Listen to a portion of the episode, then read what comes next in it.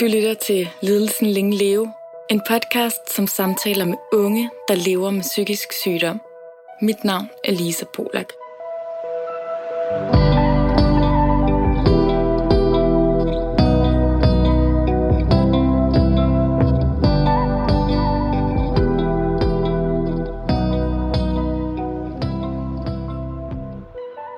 Hej og velkommen til Lidelsen Længe Leve. I dag der skal vi tale om PTSD og seksuelt overgreb. Og jeg er så heldig at have fået øh, dig med, Emil. Velkommen til. Tak for det. Det er jo øh, mega tabubelagt som dreng at være blevet øh, seksuelt misbrugt eller have fået seksuelt overgreb. Så øh, jeg er så utrolig glad for, at, øh, at du vil stille op og dele det her. Og jeg ved for dig, at det er også en smule grænseoverskridende, for du har faktisk ikke delt det med særlig mange mennesker. Så øh, det er dejligt, og jeg håber og ved selvfølgelig, at, øh, at dem, der lytter med og, og følger ledelsen længe leve, vil tage, tage rigtig godt imod dig. Emil, vil du starte med at præsentere dig selv? Det kan du tro. Jamen, øh, jeg er 24 år gammel, og så læser jeg folkesundhedsvidenskab på Københavns Universitet. Og så ud over det, så prøver jeg at leve et ganske normalt liv. Jeg spiller noget musik på hobbyplanen, og kan godt lide at feste med mine venner. Prøver at få så meget sociale samvær ind i min hverdag. Især her efter, at, at landet ligesom er åbnet op igen. Så det er dejligt. Tak. Emil, hvis du er, øh, er klar på det, så synes jeg, at vi skal give os i kast med det første el.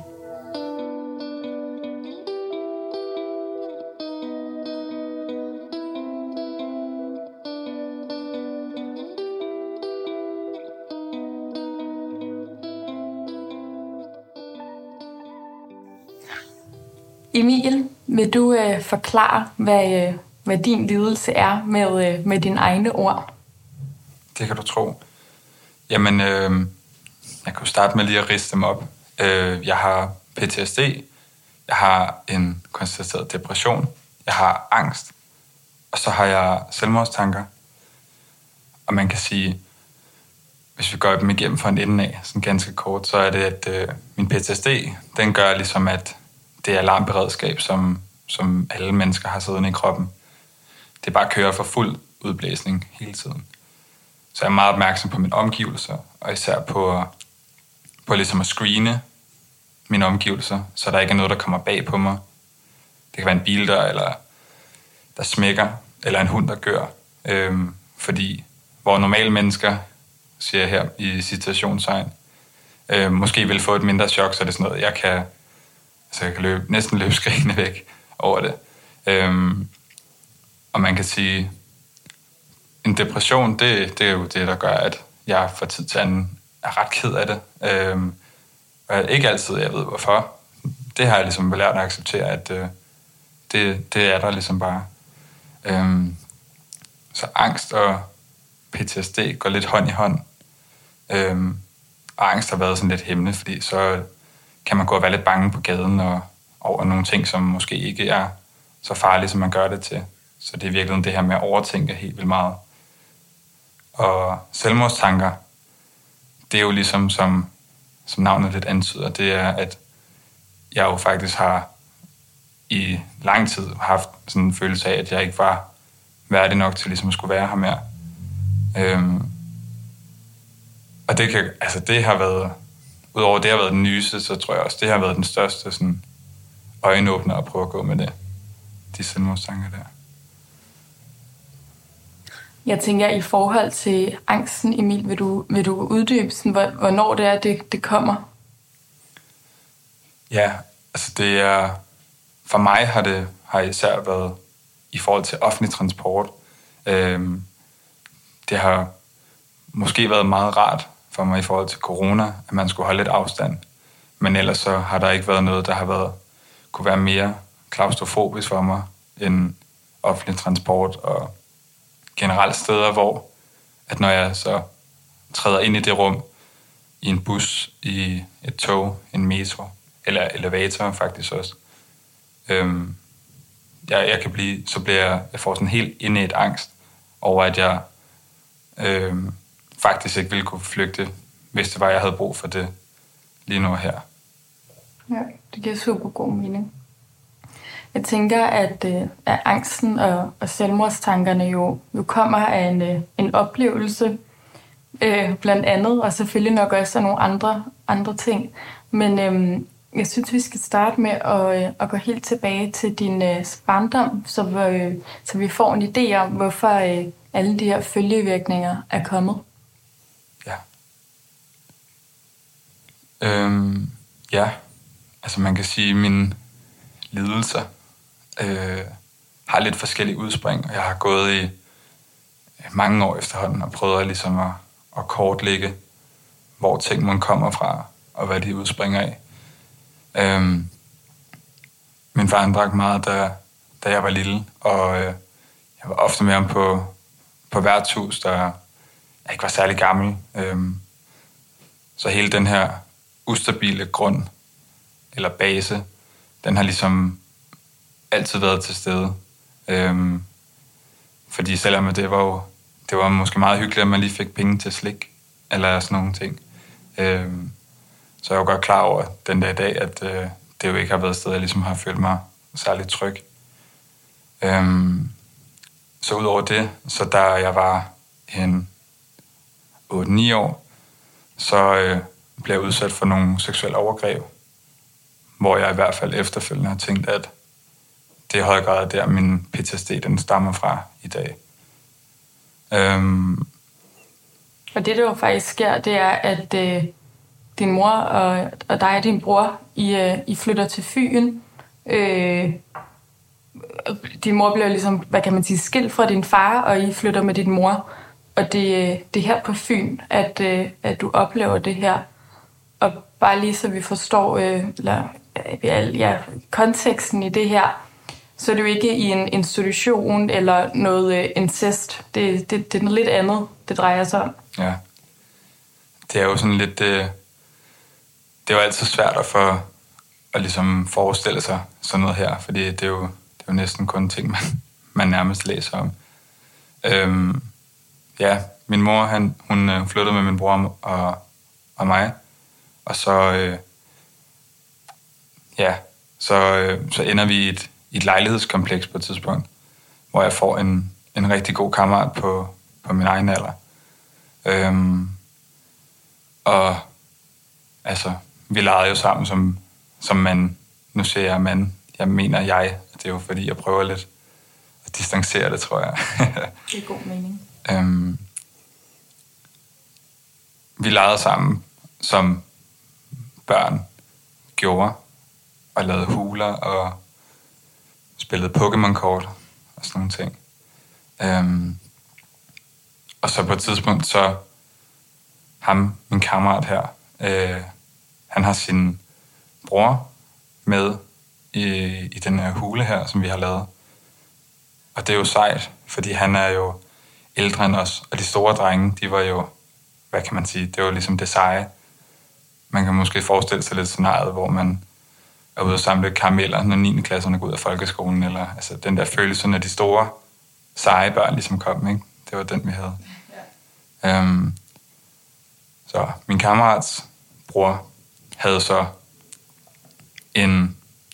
Jeg er stadig lidt i tvivl den dag i dag, om det var et familiemedlem, eller en af hans ældre venner. Men han har vel været en 16-17 år, 18 år måske. Det er lidt svært at konkretisere med ude i den her hule her. Øhm, ja. Og så... Hmm, hvordan skal man sige det? Ja, så... Øh, jeg synes heller ikke, at, at hvad kan man sige, øh, det er helt fint, du bare forklarer det på din egen måde. Mm, ja. Man kan sige, at øh, jeg vidste godt, at han gjorde noget, som ikke var rigtigt. Men man kan sige, en af de problemer, en af de mange problemer, der er, når børn oplever sådan noget her, det er jo, at øh, vi lukker i.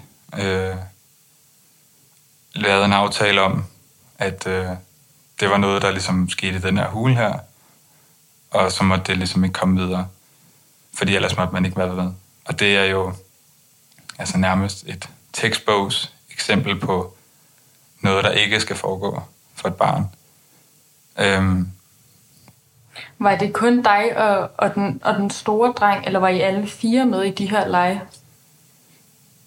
Nu husk, jeg husker det som om, jeg har meget klare billeder af, at det har været ham og mig. Øhm, men jeg husker også, at vi var der alle fire.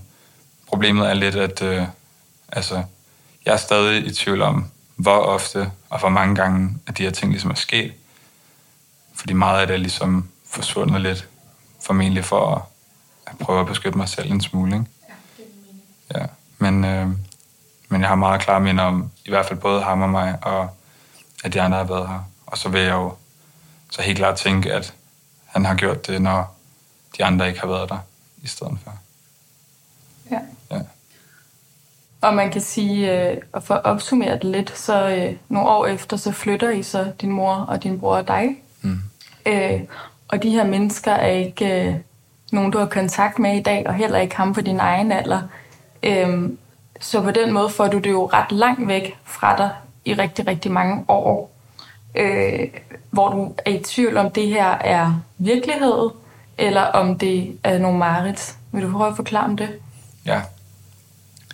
Jamen altså, øh, nu nævnte jeg lige eksemplet med min far. Øh, og, og de her overgreb her. Øh, jeg har fået at vide af min, af min mor efterfølgende. Jeg har talt med hende om, omkring de her overgreb her.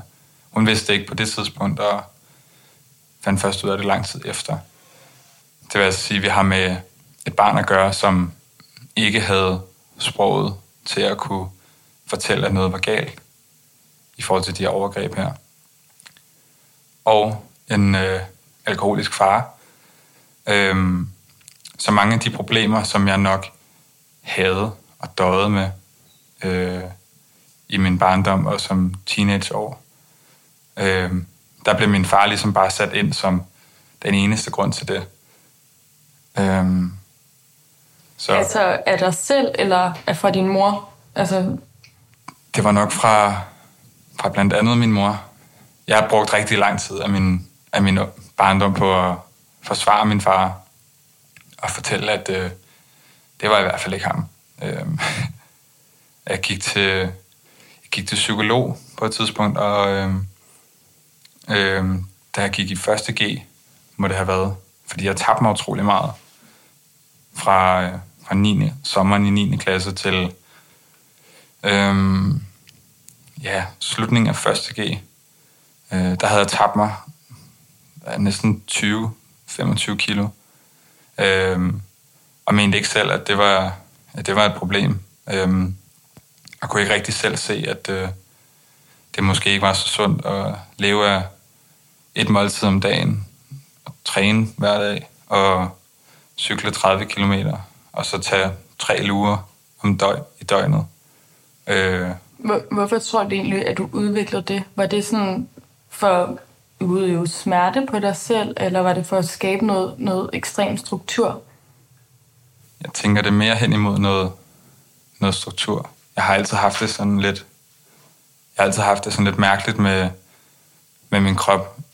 Sådan et mærkeligt forhold til, at, øh, at jeg ligesom har haft brug for at skulle styre alt, hvad der ligesom sker. Øhm, og så uden at, at visualisere det for meget, så en, en måde at styre helt konkret er jo, hvis jeg bestemmer, hvad der ligesom kommer ind i forhold til, hvad jeg spiser, så har jeg også i højere grad ligesom styr på, øh, hvis jeg skal på toilettet eller ej. Og så tror jeg altid, at, at det her med at gå på toilettet har været meget sådan en tabu-ting for mig.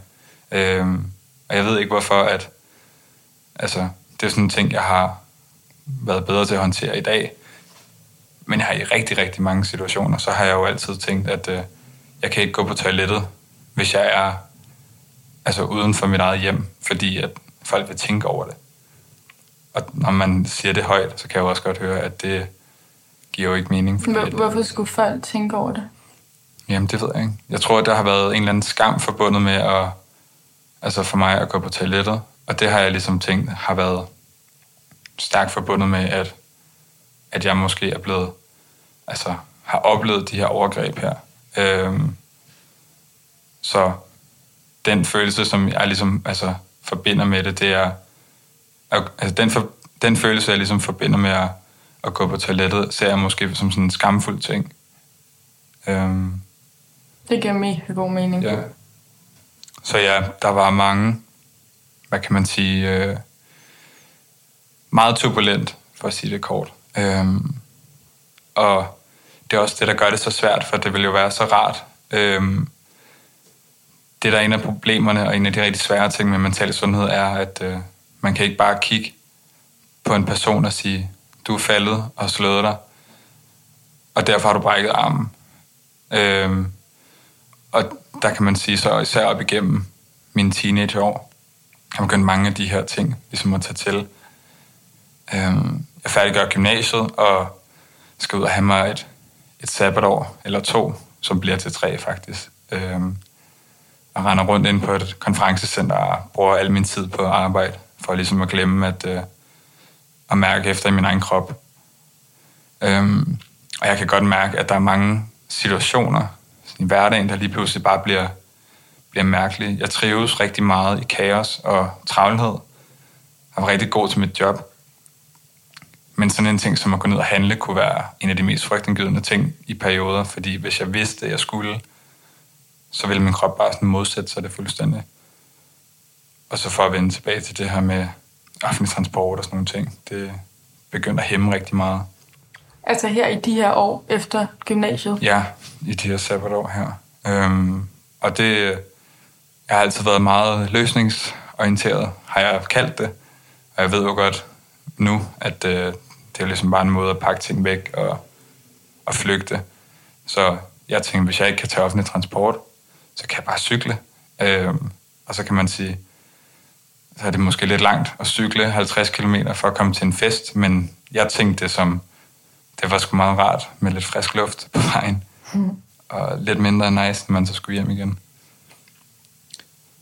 I hvert fald så, øh, så døjer jeg rigtig meget med, med kroniske mareridt i den periode her. Og det er de samme mareridt, altså sådan næsten hver eneste nat. Jeg vågner i redsel, fordi jeg kan mærke de her overgreb, der ligesom sker igen og igen. Og, jeg... og når du oplever de her overgreb, er vi så tilbage til Emil på 9 år, eller er vi, er vi ude i noget, er det din egen alder, eller hvilke billeder er det, der kommer frem? Det er sådan lidt, det er lidt mærkeligt, fordi man skulle tro, når man har oplevet et meget så mange gange, at man ville kunne være så, så klar omkring det. Jeg tror, det er meget koblet op på, på følelser. Det er altid de samme ting, der ligesom går igen. Det er en eller anden form for sådan overmagt, at jeg ikke kan kontrollere en situation. Øhm, og personer, der kommer meget, meget tæt på mig, når jeg i hvert fald ikke har lyst til det. Øhm, og jeg tror, jeg nåede lidt til et punkt, hvor jeg ligesom accepterede, at øh, jamen, øh, så har jeg bare mareridt, og så sover jeg ikke. Og så er det bare sådan. og man kan sige, så når man samtidig er ung og tjener penge og fester i weekenderne og sådan nogle ting, så, så er det også lidt nemmere at glemme, fordi at så tænker man bare, at det er bare en del af, af at være mig. På det her konferencecenter, så havde jeg rigtig mange aftenvagter, når man kigger lukket, lukkede ned om aftenen. Øh, så jeg gik altid med podcast i ørerne og hørte al verdens ting og så. Jeg hørte rigtig meget øh, dansker bingo på B3, øh, som jeg desværre ikke laver det mere. øhm, fordi så kunne man godt grine lidt af det. Øhm, der er så en, en person en dag, som ringer ind, og, øh, og han fortæller så bare, han vil gerne sætte fokus på det her med seksuelle overgreb øh, blandt mænd, som ikke har kunne snakke om det. For som du sagde, der er jo ikke, det er ret tabubelagt. Og i det, han går i gang med at fortælle det her, jeg står nede i kælderen, og jeg kan bare huske, at jeg troede oprigtigt, at jeg havde, øh, havde fået en blodprop i hjertet, eller et eller andet. Jeg faldt bare næsten grædende sammen, og jeg stod bare der alene. Og det var som om, at altså, jeg er ikke religiøs overhovedet. Øhm, det var, som, det var sgu som om, ja, det som må være sådan, jeg forestiller mig det, når, når folk siger, de, de møder Gud eller et eller andet. Det var som om, at det var den sidste brik her, som jeg ligesom manglede en bekræftelse på, at det er altså ikke bare noget, jeg har bildt mig ind, men det faktisk er en, er en rigtig ting. Øhm, og Sagde denne her øh, mand i radioen, at man netop godt kunne have nogle mareridt, altså at man oplevede det som noget, der mere kunne være et mareridt? I hvert fald, ja. Det kan man, ja, det kan man sige, fordi han kom ind på det her med, at, øh, at vi som, altså, og det gælder jo alle ofre i, i sådan nogle sager her, at det, det er bare sådan en naturlig refleks for mennesker, at når vi oplever noget traumatisk, så lukker vi det bare ude. Og lad os så sige, at det er så koblet sammen med, at det ikke ligefrem er det mest populære at sidde og snakke om, at man har oplevet seksuel overgreb som, som barn, og især ikke som mand. Øhm, så der er mange af de her faktorer, som ligesom gør, at man, at jeg, nu siger jeg mand igen, at jeg er mere, altså, har mindre lyst til at, at ligesom godtage det her, og ligesom bare blive ved med at blive ved troen om, at jamen, jeg er jo bare en, jeg er bare en mand, så hvorfor skulle det her ske for mig? Og jeg ved godt, det er en meget naiv tanke. Og han sagde, han blev ved med at sige det ene efter det andet. Alle de rigtige ting, som jeg nok har ventet hele mit liv på at, at høre, og ligesom få føle, at her var der altså en, som talte altså næsten direkte til mig. Øhm, og derfor så kort tid efter, jeg var kommet lidt til mig selv, så der skrev jeg ind til Jakob, hedder den ene af værterne. Sådan lidt øh, desperat mail, tror jeg, man kan sige. Jeg spurgte, om jeg ikke nok måtte komme i kontakt med ham her. Øhm, han hedder Rasmus, og i dag en af mine rigtig, rigtig gode venner, som har virkelig hjulpet mig i gang med sådan min... Jeg kalder det lidt en rejse, fordi det, det er det lidt, men min udvikling mod at, at komme ovenpå efter det her. Og, det er, og Rasmus er jo faktisk fra et uh, terapisted. Ja. Kan du forklare lidt om det? Ja, Rasmus han er øh, blandt andet, han laver mange ting. Han er, han er coach, øh, som en af hans mange ting, og har en, en hel del erfaring på det her område her. Øh, og i dag han bruger rigtig meget tid på, på at hjælpe mennesker. Han er, han er, han er en af de bedste mennesker, jeg nogensinde har mødt, og han har altså fra første gang, jeg ligesom talte med ham i telefonen, jeg fik hans telefonnummer ret kort tid efter, der har han ligesom bare stået der, øhm, uden, altså uden forbehold på nogen som helst måde. Øh, og det kan jeg bare mærke, jeg havde, jeg havde så meget brug for lige der, tror jeg, at øh, der bare lige skulle komme sådan en klippe, altså, og det, ikke fordi vi talte sammen hver eneste dag, men men især i starten, han, i og med, han vidste præcis, hvordan det var. Han vidste, hvad han skulle sige. Han vidste, hvad han skulle prikke til ved mig. Fordi det er ikke noget, der bare lige kan fikses. Man kan ikke bare tage en pille for det her, og så forsvinder det hele. Det, det er sgu benhårdt arbejde at prøve at, at komme om på igen. Men øh, en af de ting, som han blandt andet fik mig i gang med, som er noget af det, der har hjulpet mig allermest, det er, at han, øh, han fortæller om et terapisted, som hedder Kvisten. Kvisten.dk, hvis man vil ind og kigge. øhm, og det er nogle rigtig, rigtig dygtige mennesker, som øh, ofte så tilbyder gruppeterapi, som det jeg sidder i lige pt. Eller individuel terapi. Og der kan man ligesom komme ud og sidde i, i en gruppe, øh, 6-7 personer, to terapeuter, og så kan man ligesom sidde og spejle sig i andre mennesker, der har prøvet, hvis ikke præcis det samme, så i hvert fald har de samme følelser, som det man selv sidder med. Er det her egentlig kun for drenge, eller er det også for, øh, for piger og kvinder? Kvisten er primært for øh, seksuelt misbrugte mænd. Øhm, nu kan jeg ikke lige huske, hvad de måtte hedder for, for kvinder, men i hvert fald så, for, så er det et tilbud for mænd. Øhm. Ja, helt, helt klart. Jeg tænkte nemlig, at det var godt lige at opsummere, at dem, du går i terapi med, er, er, er mænd også. Ja, øhm, og det er jo... Ja, nu har jeg ikke prøvet at være øh, alkoholiker, men jeg tænker, det må også være en af de ting, som fungerer rigtig godt ved for eksempel at være med i AA eller andre terapigrupper. Altså det at... Jeg kan jo huske den følelse, jeg fik, da jeg hørte Rasmus. Det var, at, at for første gang var der nogen, der forstod mig rigtigt. Og det at kunne sidde i et rum med andre, som har oplevet lignende ting, øhm, det, det er noget af det mest givende, jeg nogensinde har prøvet. Og det er, hvor lang tid jeg har været i gang med det her i to, to år nu. Øhm, og der kommer stadig udskiftning og kommer nye en gang imellem. Og det er, det, det er så vildt. Det er som om, at man kan se sig selv fra forskellige udsnit af ens terapiforløb han kommer nye ind, og, og de sidder med præcis de problemer, som man selv sad med. Og så kan jeg også sige, at jeg er nået til et punkt, hvor jeg så kan dele ud af min, jeg har lyst til at kalde det visdom, men øh, min livslæring omkring det her forløb her. Og man så direkte kan gå ind og så, så dele det med, med en, der måske virkelig har brug for det, det er utrolig givende.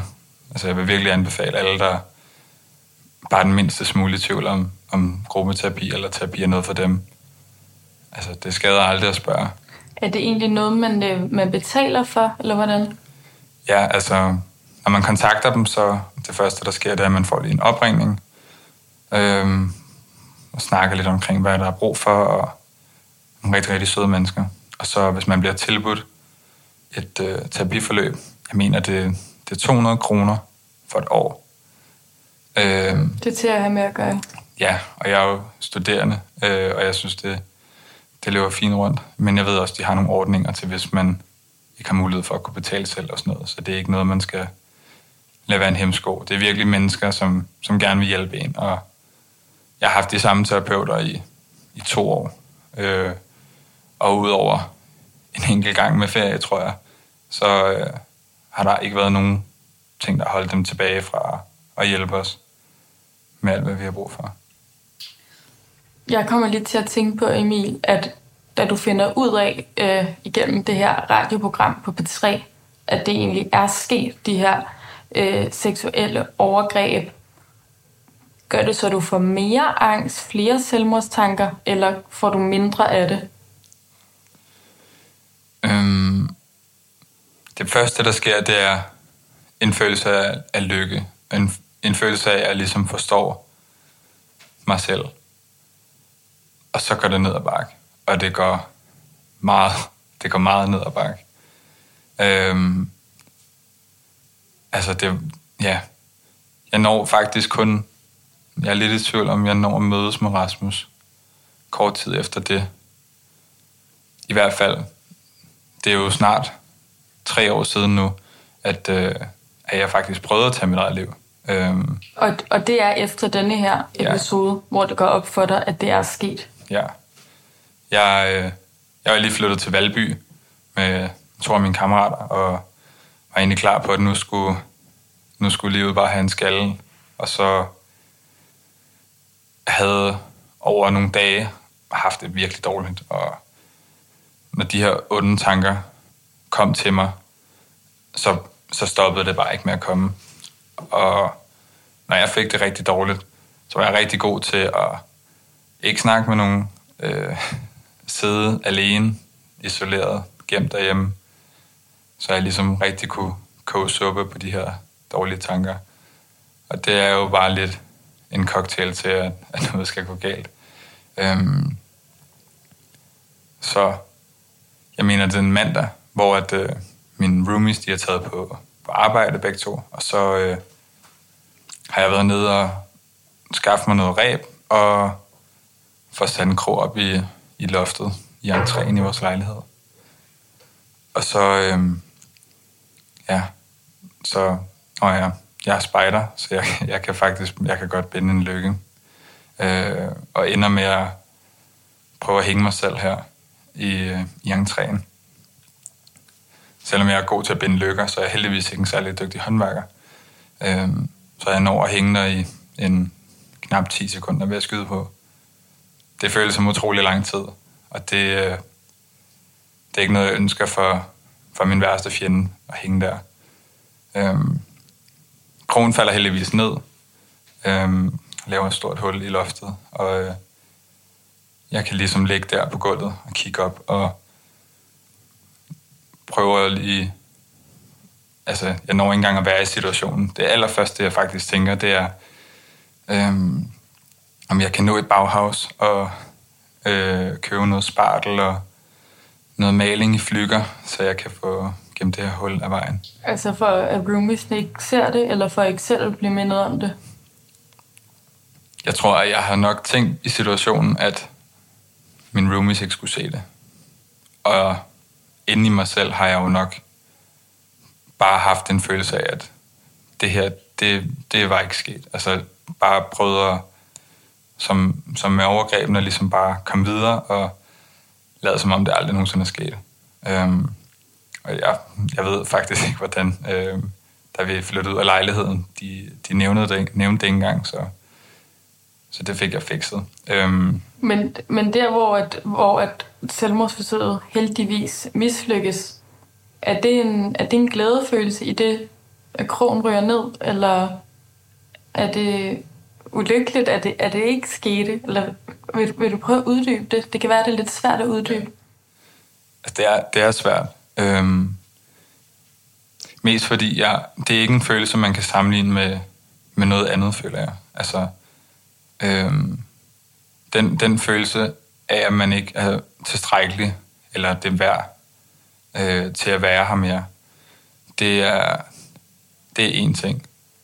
Men at gå fra, det, fra den følelse af at have det så, så dårligt og ked af det, øh, til at gøre det, det er... Jamen, det er...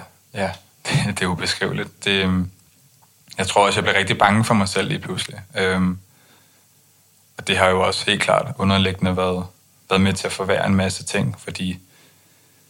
Altså... Og det... Ja, se det retrospekt, kan jeg jo godt se, at... Øh, jeg, fik, jeg gik i gang med terapi kort tid efter det her. Og jeg nævnte først det her med mit selvmordsforsøg for tre måneder siden. Og der har jeg altså været i terapi i snart to år. Første gang jeg var der, der sad jeg og nævnte de seksuelle overgreb. Men det her med selvmordstanker og et selvmordsforsøg, har jeg stadigvæk negligeret. Så det er også bare for at sige, at selvom at terapi er rigtig, rigtig gavnligt, så er det også en, en rejse, som, som kan være virkelig svær og, og kompliceret. Og jeg kan jo godt se i dag, at det er noget, jeg har skulle dele med, og har prøvet at tage mit eget liv. Øhm, og ikke bare lade ligge, som om, at det var et uheld. Fordi at det er ikke noget, man bare lige kommer til. Det er jo altså, det er svære. Og det var jo et råb om hjælp. Det, det er jeg ikke i tvivl om. Men, så der var en lille del af dig, der også ønskede, at det, det ikke var enden, det her? Ja, det vælger jeg i hvert fald at tro. Fordi at... Øh... Jeg tænker også, det her tidspunkt i dit liv, er du vel også lidt handlingslammet. Altså, det, det går ikke rigtig væk, de her onde tanker og, og den her sorg. Så, så der, altså, du har vel tænkt på en eller anden måde, jeg, jeg kan ikke mere nu. Det, øh, ja, ja, fordi hvad kan man sige, altså mareridtene blev ligesom ved, og en ting er, at jeg sagde, at det, det var som om det hele ligesom gav mening. Men det var nok det, der var lidt problemet, fordi at øh, når tingene så lige pludselig gav mening, så det er jo ligesom først der, man kan gå i gang med at bearbejde det. Og fælles for mange, der kæmper med det ene eller det andet, så øh, altså erkendelsen af, at man enten har et problem, eller at man har noget, man skal bearbejde. Det tror jeg altid er den sværeste. Fordi jeg kunne godt se, at det var faktisk først var der, at jeg ligesom kom i gang øh, med terapi og sådan noget. Det var, selvom jeg egentlig havde været klar over, at det var et issue hele mit liv, så var det bare først der, jeg ligesom var klar til at få rykket på nogle ting. Øh. det giver mega god mening, fordi din forsvarsmekanisme har jo indtil da nærmest hele livet jo været ikke at gå ind i problemet og bare flygte og blive ved med ligesom at løbe ja. fra spøgelset, eller hvad man siger. Ja. Og det, du vender dig imod spøgelset og kigger på det, så du først der det først går i gang at blive konfronteret med angsten og hvad det her handler om. Tingene bliver meget virkelige lige pludselig, når, øh, altså, når man lige pludselig skal sidde og, at sætte ord på sine følelser og mærke, mærke efter i sin egen krop. Det var... Rasmus han lavede en, en, en øvelse med mig på et tidspunkt, hvor jeg skulle... Øh, jeg, jeg begyndte at skrive min mareridt ned øh, ret tidligt, da jeg var en 16-17 år. Så det vil sige, at jeg havde... Jeg har stadig faktisk under min seng, der har jeg en bog med... Eller er det to hele notesbøger, som er proppet med det ene hæslige mareridt efter det andet, og øh, ubehagelige tanker, og alt, alt muligt. Øhm, så det første, han, han ligesom fik mig til, det var helt lavpraktisk at sige, at øh, nu er du så god til at sætte, sætte ord på alt det dårlige. Øh, og så kan du ligesom sidde og, og fokusere rigtig meget på det. Øh, så jeg fik en, en ny bog, og så, øh, så måtte jeg bare kun skrive gode ting ned. Det var lige meget, hvor lavpraktisk det var. Øh, fordi at den her mentalitet med ligesom, altså livet er også meget, livet er meget, hvad man gør det til. Så hvis jeg bliver ved med at sige til mig selv, at jeg er, er dårlig og ikke fortjener at leve, og alting er noget forfærdeligt noget, så bliver det også bare mere redselsfuldt at leve. Øhm, ja. Men, øh, men hvis man fokuserer på, på det positive, øh, jeg tror alle kender den her helt åndssvage, lalleglade øvelse med at stå og sige til sig selv i et spejl, øh, ej, hvor ser du godt ud i dag.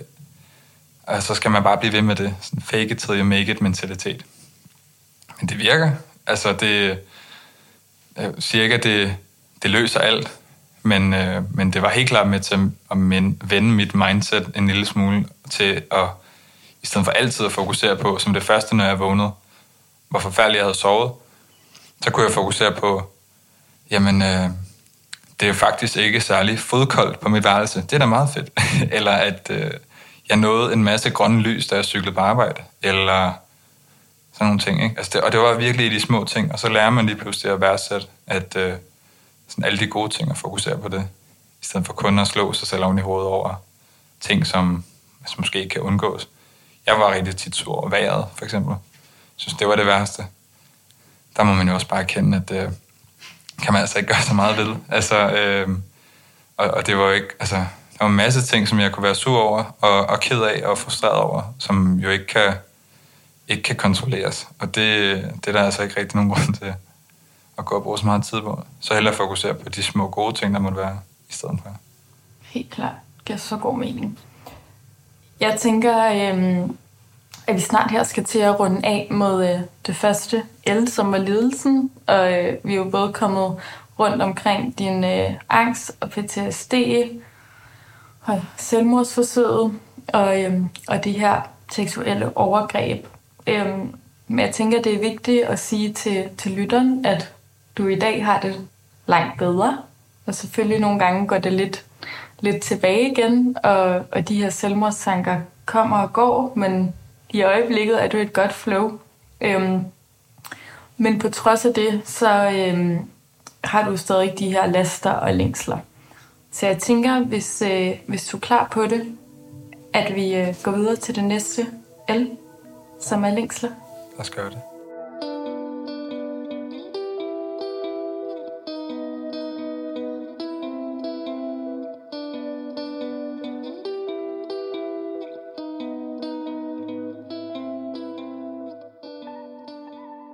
Emil, vil du øh, fortælle lidt om dine længsler?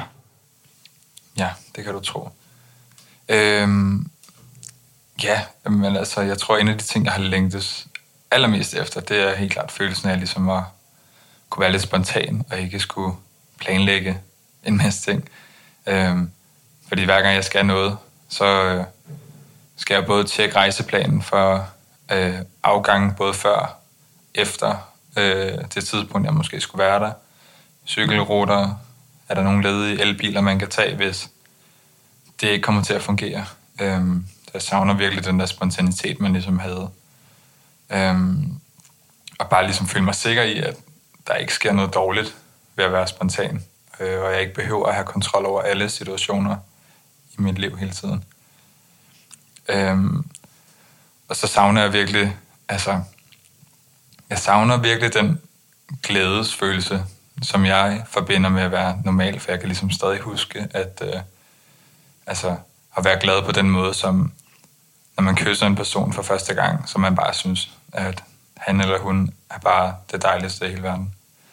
Øh, og man så kan, eller når man var mindre, og man åbnede julegaver under træ, øh, altså sådan helt ubestridt, bare uskyldig lykke og glæde, den øh, desværre har sgu været, har været væk længe, synes jeg. Og er det fordi, at, at når man måske lige et kort øjeblik kunne være ved at opleve noget, noget lykke, at der så er noget, noget tungt i det, der sidder, eller hvorfor kan man ikke hengive sig til kysset, for eksempel? Hvad er det, du mærker der? Jeg tror, øh, jeg tror især det, jeg ved ikke, om jeg kan koble det på, på en lidelse på den måde, men i hvert fald sige, at øh, jeg tror bare, jeg altid er, er lidt øh, henkastet til at tro, at tingene går sgu nok bare galt. Fordi at øh, der ikke har været den der stabilitet igennem mit liv. Øhm, så er det nemmere øh, bare at, at, at tro, at øh, det kommer sgu nok til at gå dårligt. Øhm, jeg prøver at gøre det anderledes, men det er virkelig, øh, er virkelig svært for mig. Ikke at, altså, de situationer, jeg kan have det allerbedst, kan også oftest være der, hvor at det kan, kan twiste allermest. Øhm, og der kan man sige, altså, det har været en meget stærkere følelse før i tiden.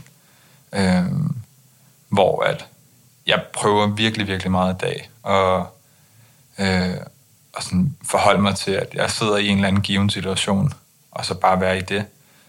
Fordi det kan jeg også mærke, at det, det gør også, at jeg slapper lidt mere af. Så i stedet for at leve i, altså sådan uden for min krop, og blive ved med at prøve at være sådan 17-18 skridt foran, altså jeg tror heller ikke for et år siden, ville jeg aldrig kunne have siddet og snakket sådan her.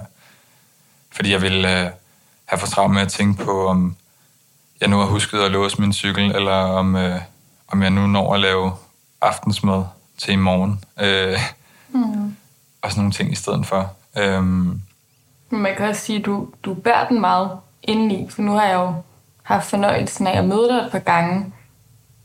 Og jeg vil aldrig nogensinde tro, at du havde noget angst eller tankemøller kunne du også have nærværende. Mm. Du siger ikke sådan, øh, Lisa, jeg har lidt angst lige nu. Øh, så det tænker jeg også måske, altså, det er vel også noget, der fylder på en eller anden måde, at du tager den meget på dig, den hele. Ja, det tænker du, ja. Jeg tror, folk der, folk, der kender mig, vil jo nok, håber jeg da, vil øh, se, jamen, jeg gør det jo allerede igen, øh, prøver at forklare det okay, at de synes noget dårligt om mig. Øh, ej, jeg, jeg, jeg tænker, de fleste, som kender mig godt, vil synes, at jeg er, som, som du beskriver det. Øh, og, men ej, jeg, jeg kan mærke bare, det at sidde og sige det, at altså sådan kompliment, ikke? Altså det, det er sådan, det, altså, det gør næsten lidt ondt på mig. Øhm, og ikke fordi jeg ikke bryder mig om det, men jeg kan bare mærke, at jeg har så svært ved at tage sådan nogle ting til mig. Øhm, og så tror jeg også, det, det er sgu nemmere at hjælpe alt omkring en og alle andre, i stedet for at fokusere på sig selv. Øhm, så jeg har ligesom bare gået og været så bange for, at, øh, at skulle åbne op med de her ting her, for jeg har bare tænkt, hvad nu hvis, at øh, folk så lige pludselig øh, ikke kan være i det, eller ikke kan ikke bryder sig om mig mere. Øh, ved, ved at fortælle om overgrebene og... Ja, netop, og især ja, selvmordsforsøg. Og, og tværtimod, så er der jo, der er faktisk sket det modsatte. Altså, øhm, efter jeg er begyndt at åbne op omkring det her hos øh, venner og bekendte, øh, jo nærmest en modsatte reaktion. Folk, øh, folk kan ikke, altså, kan næsten ikke lade være med at, at hjælpe. Øh, Altså, et, et godt eksempel, det, der var en pige fra min klasse, øh, som har skrevet til mig. På mit sidste semester, der, der var jeg lidt meget væk. Øh, og jeg havde bare tænkt, der er nok ikke nogen, der lægger mærke til, at, øh, at jeg lige er fraværende i, hvad var det, halvanden måned måske. Og vi har altså undervisning næsten hver eneste dag. Øhm, men hun tog, altså, hun tog fat i mig og, øh, og spurgte, om vi ikke skulle gå en tur. Og det var, det var redselsfuldt, synes jeg. Jeg kunne slet ikke holde det ud, fordi jeg tænkte, hvad, altså, hvorfor vil hun nu det? Øhm, og vi ender med at sidde på en, øh, på en bænk ved Søerne her i København. Øh, og jeg fortæller, jeg ender med at fortælle hende det hele. Og, øh, og lige så bange, som jeg ligesom var, øh, for øh, hvad hun ville tænke og gøre, det fik hun bare faret fuldstændig væk, og var bare sådan helt lavpraktisk. Spurgte, hvad jeg havde brug for, og jeg sagde, jeg har måske brug for lidt noter, så jeg kan bestå det her fag her.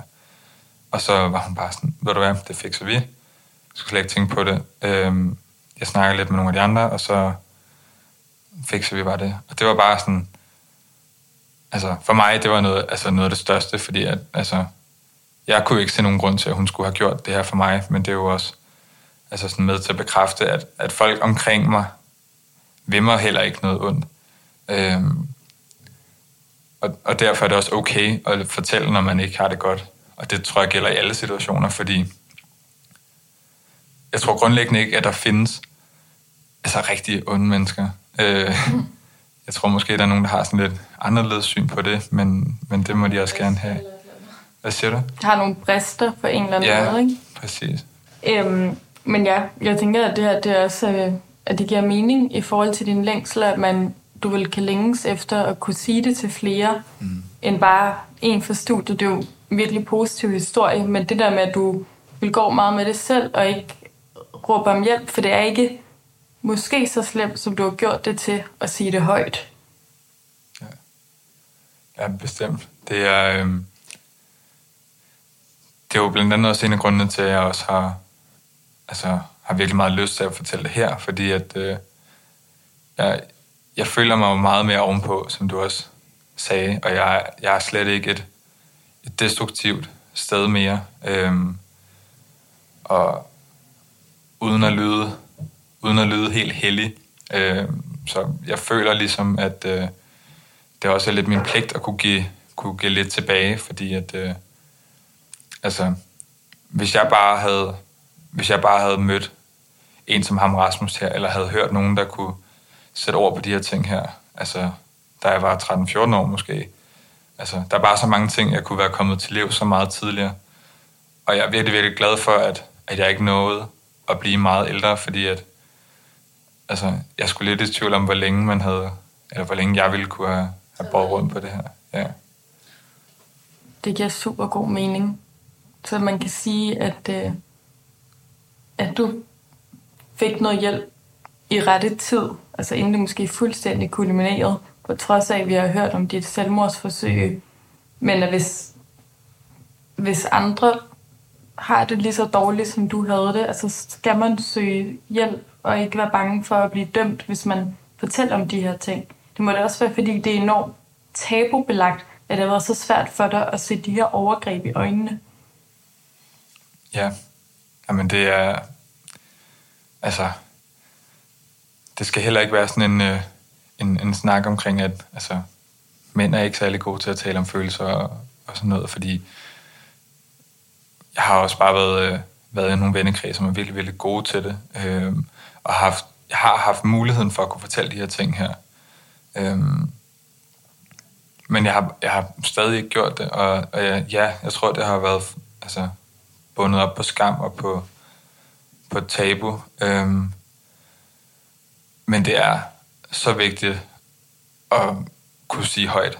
Og hvis man ikke kan sige det højt, den første person, jeg fortalte det til, skrev jeg ned på min tele- en note på min telefon, og gav vedkommende min telefon og sagde, læs det her.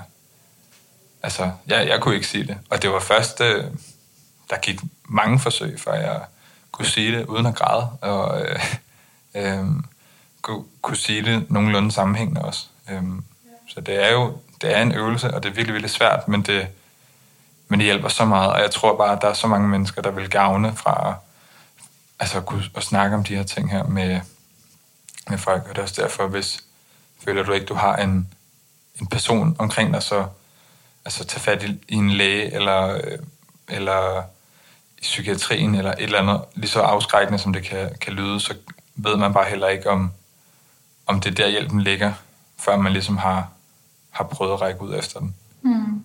Og det kan også bare være hos praktiserende læge jo, at man siger, jeg, jeg, jeg har det helvede, så jeg behøver have noget hjælp.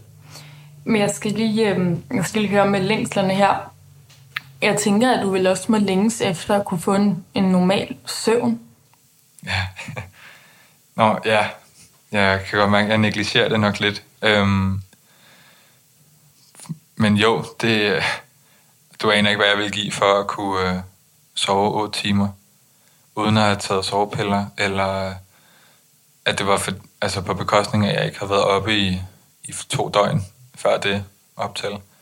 Øhm, altså det kan jeg, jo, jeg kan jo bare mærke, altså her om aftenen, så kan jeg jo virkelig mærke, at jeg rammer sådan nogle, sådan nogle spikes, øh, hvor det er som om, jeg lige får et nyt skud af energi. Og det er jo fordi, jeg kan mærke, at min krop den ligesom bare tager og går i overlevelsestilstand. Og det er virkelig dårligt. Det er, det er virkelig en af de vigtigste ting, jeg har, jeg har lært. Og i perioder, så kan det blive lidt bedre, men det er stadig sådan en ting, jeg arbejder meget på at, at få en stabil søvn. Og en dyb nok søvn, uden at, uden at vågne. Og det er jo også, ja, det er en proces, så jeg håber, det kommer på sigt. Er der forskel på, om, om du sover alene, eller om du sover med en anden? Øh, ja. Ej, jeg finder, det kommer lidt bag mig. Men det, øhm, øhm, det kan der være, synes jeg. Øhm, jeg har en kammerat, der snorker rigtig meget, så når jeg sover med ham, så ikke så meget, men, men, men personer, jeg er rigtig trygge med, kan jeg godt mærke, at det, det gør virkelig noget ved min søvn, og gør, at jeg kan, kan slappe af på en helt anden måde.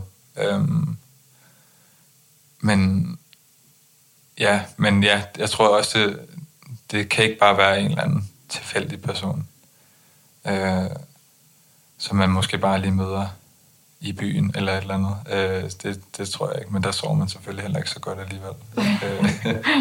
øh, øh, men jo, jeg kan, ja. Men det, det giver i hvert fald mening, for nu har jeg selv virkelig, virkelig svære øh, søvnproblemer. Men det med at sove med en kæreste, der kender en fuldstændig, gør, det kan være lidt lettere at give sig ind i søvnen, mm. og vide, at der, der kommer ikke til at ske noget dårligt i det her rum på en eller anden måde. Ja. Øhm, men det er måske ikke et råd, vi lige kan give, at man øh, skal finde en kæreste eller en, man føler sig tryg med for at kunne sove. Det er i hvert fald lidt, lidt svært, ikke? så sætter lidt høje krav. Du skal bare finde en, du er rigtig tryg ved og glad for, og så skal I sove. Jo. Nå. Øhm, og så den sidste ting, jeg lige vil sige her, også med, øh, med længsler, i forhold til øh, offentlig transport og, og gå på gaden, øh, bilsmæk med døren. Hvad, er det noget, du længes efter går væk, eller er det ikke noget, du vil sige er sådan totalt hæmmende for at kunne, for at kunne begå dig i dagligdagen? Altså, jeg tror ikke, jeg vil tage det... Jeg tror ikke, jeg vil betegne det lige så meget som en længsel, som, som at det bare vil være... Det ville sgu også være meget praktisk at kunne... Jeg kom pludselig til at tænke på, at der er måske også... Det er måske mere det her med, at, at jeg hver dag føler, at jeg har, har meget sådan facade på. Altså, jeg har virkelig... Øh, altså, nu, nu nævnte du det jo selv, at, at du synes, jeg virker meget nærværende og sådan noget. Øh, og ikke fordi jeg, jeg ikke også er det langt hen ad vejen, men øh, der er også bare rigtig tit, så tager jeg sgu også bare lige mit, øh, øh, mit glade Emil fjes på, og så øh, går jeg ud, og så er jeg, er jeg bare et eller andet sted og interagere med, med de mennesker, jeg nu skal møde og tale med, og så når jeg kommer hjem, så er jeg helt brændt ud. Og så øh, jeg kan mærke sådan en weekend, hvis jeg har været, været til en eller anden fest fredag, og måske spise noget været til middag med nogle venner om, om lørdagen, så altså jeg går næsten i dvale, altså hele søndagen. Jeg, jeg kan slet ikke... Det er som om mit sociale barometer, det er bare væk. Så jeg tror, det må være en længsel at kunne smide lidt den her facade. Og jeg kan også godt mærke, at det er der lidt over for bestemte mennesker, hvor jeg bare 100% kan være mig selv. Men det er helt klart noget, jeg vil være, kan være bedre til. Og ligesom bare acceptere, at, øh, at jeg er, som jeg er, og jeg behøver ikke at skal prøve at være alle mulige andre, for at folk skal synes om mig. Mm. Det giver rigtig god mening. Og det tror jeg generelt mange med med, en, med en psykisk lidelse har det på samme måde. Om det er angst eller ADHD, at man, at man putter lidt en facade på, for det kan være bare lettere end at sige problemerne højt. Mm. Men Emil, jeg tænker, at vi skal gå videre til Lester.